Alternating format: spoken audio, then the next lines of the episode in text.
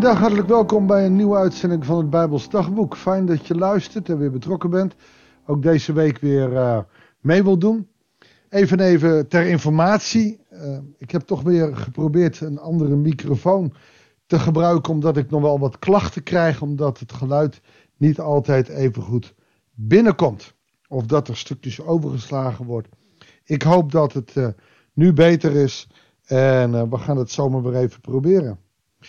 We lezen deze nieuwe week uh, in het boek waar we al langer aan het lezen waren, nog twee hoofdstukken. Dan hebben we Jacobus alweer uit. We gaan Jacobus 4 lezen, de versen 1 tot en met 10. En Jacobus, lekker scherp hier en daar, is een, een man die, en dat is eigenlijk net als Paulus, gewoon wil laten zien en laten voelen en laten horen. Jongens, het gaat ergens om. Het is niet zomaar even dat we even wat doen en uh, over God praten, maar het doet ertoe. Geloven doet ertoe. En dat gaan we ook in hoofdstuk 4 lezen. Lees je mee? Waar komt al de strijd? Waar komen al die conflicten bij u toch uit voort? Hartstochten die strijd leveren met alle doen en laten. Je zou dit ook kunnen zeggen over de christelijke kerk, over christenen in Nederland of in de westerse wereld. Er is strijd. Als je een vergadering hebt, dan zijn er altijd tegengestelde belangen. Ja, maar hij wil dit en ik wil dat. Maar het gaat helemaal niet om het willen. Het gaat helemaal niet om die strijd. Het mooie is, ik mocht gisteren in, uh, in Friesland spreken. En eigenlijk eh, had ik daar hetzelfde. En 1 Petrus 4 gaat het er ook over. Als we te druk zijn, dan moet je eens tijd maken tijd maken voor gebed. Zodat God in je leven kan werken. Zodat de liefde in stand komt in deze wereld, in je kerk, in je leven. U verlangt naar iets, maar krijgt het niet. U bent jaloers en moordlustig, maar bereikt uw doel niet.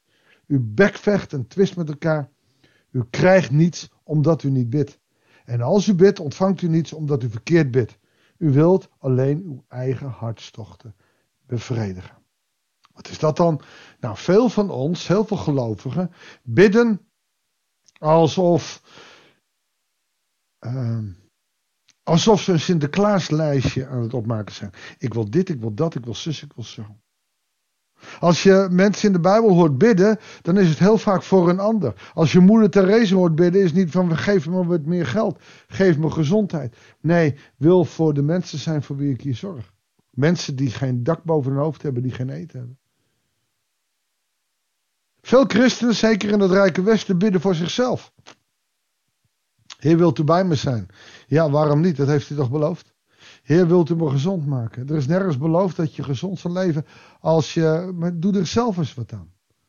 En natuurlijk zijn er mensen die heel gezond leven en, en toch heel veel tegenslag hebben. Ja, de, dat gebeurt. Dus ze leven in een gebroken wereld. Maar vraag eens of hij nabij wil zijn. Of, of dank eens God voor zijn nabijheid midden in die strijd die je leeft, in, in, in die gebrokenheid. Ik leer het meest van de mensen die op sterven liggen en dan zeggen ik voel God zo dichtbij.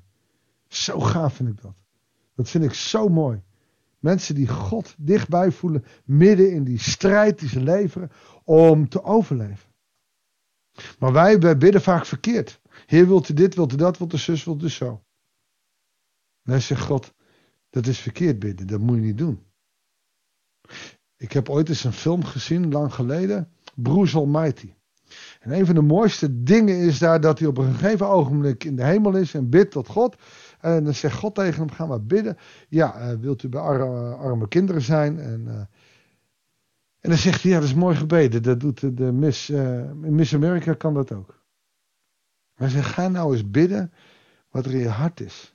En dan gaat de hoofdrolspeler, Broers, gaat dan bidden voor de vriendin die hij teleurgesteld heeft. En dan niet mag ik bij haar terugkomen, maar wilt u een partner voor haar geven die, die goed is voor haar.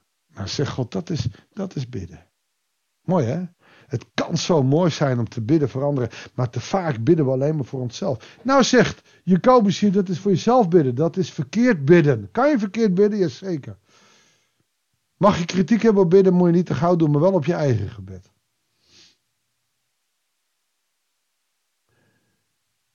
Want Veel willen we met onze gebeden, ook in de kerk, onze eigen hartstocht, onze eigen ik, bevredigen.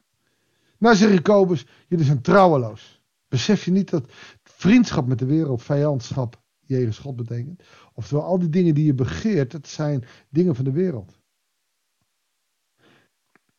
Zelfs, zelfs het verlangen, nou ga ik iets heel engs zeggen, om te genezen. Je mag bidden om genezing.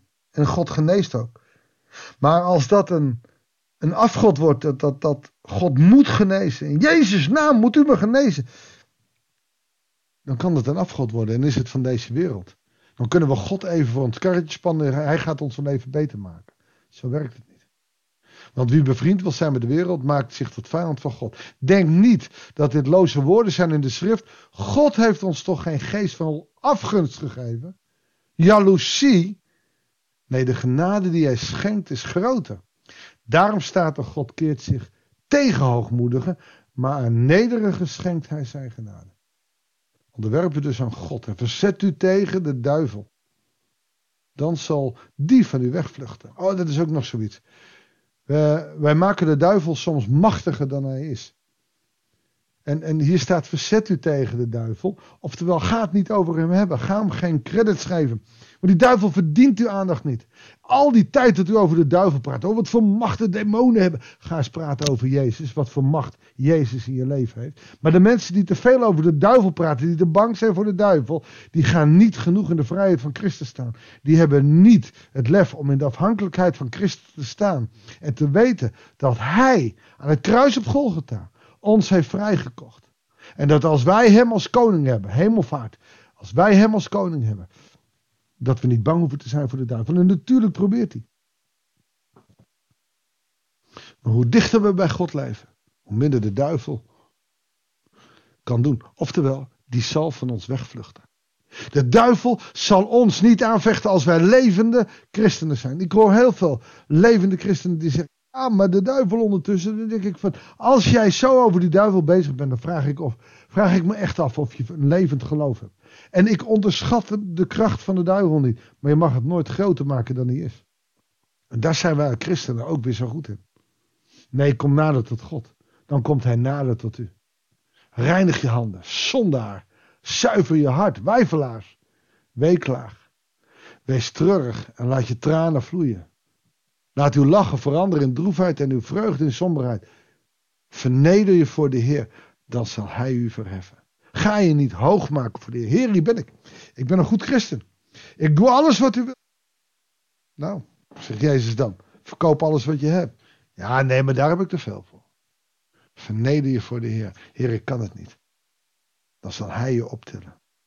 Want de laatste zullen de eerste zijn. Dat is wat Jezus altijd bedoelde. Ga jezelf niet groter maken dan je zou kunnen zijn of dan je bent. Jezus die kun je beter optillen dan dat Jezus zegt: Nee, jongen, ik heb iemand anders hier gepland, ga jij maar naar achteren. Want dan ben je verder van huis.